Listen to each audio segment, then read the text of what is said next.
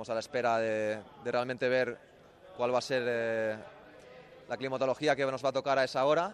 Espero que sea o de seco o de no mucha agua, porque realmente si cae mucha agua esa zona del circuito no drena bien y va a ser peligrosísimo en caso de que se quiera correr. O sea que yo soy de los partidarios de absolutamente no retrasar la carrera o buscar algún tipo de solución. Evidentemente intentaremos correr de todas todas, ¿no? Intentará tanto Dorna como dirección de carrera hacernos correr, pero yo creo que la seguridad está por encima de todo y confío en que encontrarán la mejor solución.